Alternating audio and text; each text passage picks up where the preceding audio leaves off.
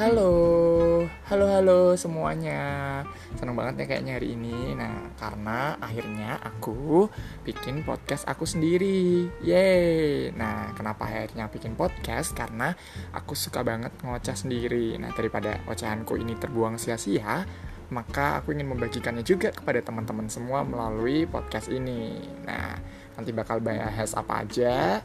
Tentu akan banyak hal yang seru uh, menyenangkan juga dan tentunya teman-teman yang rindu suara aku yang sangat bagus ini teman-teman bisa mendengarnya di podcast ini gitu supaya teman-teman terhibur jadi semoga podcast ini menghibur teman-teman semua dan dari situ teman-teman juga dapat banyak hal.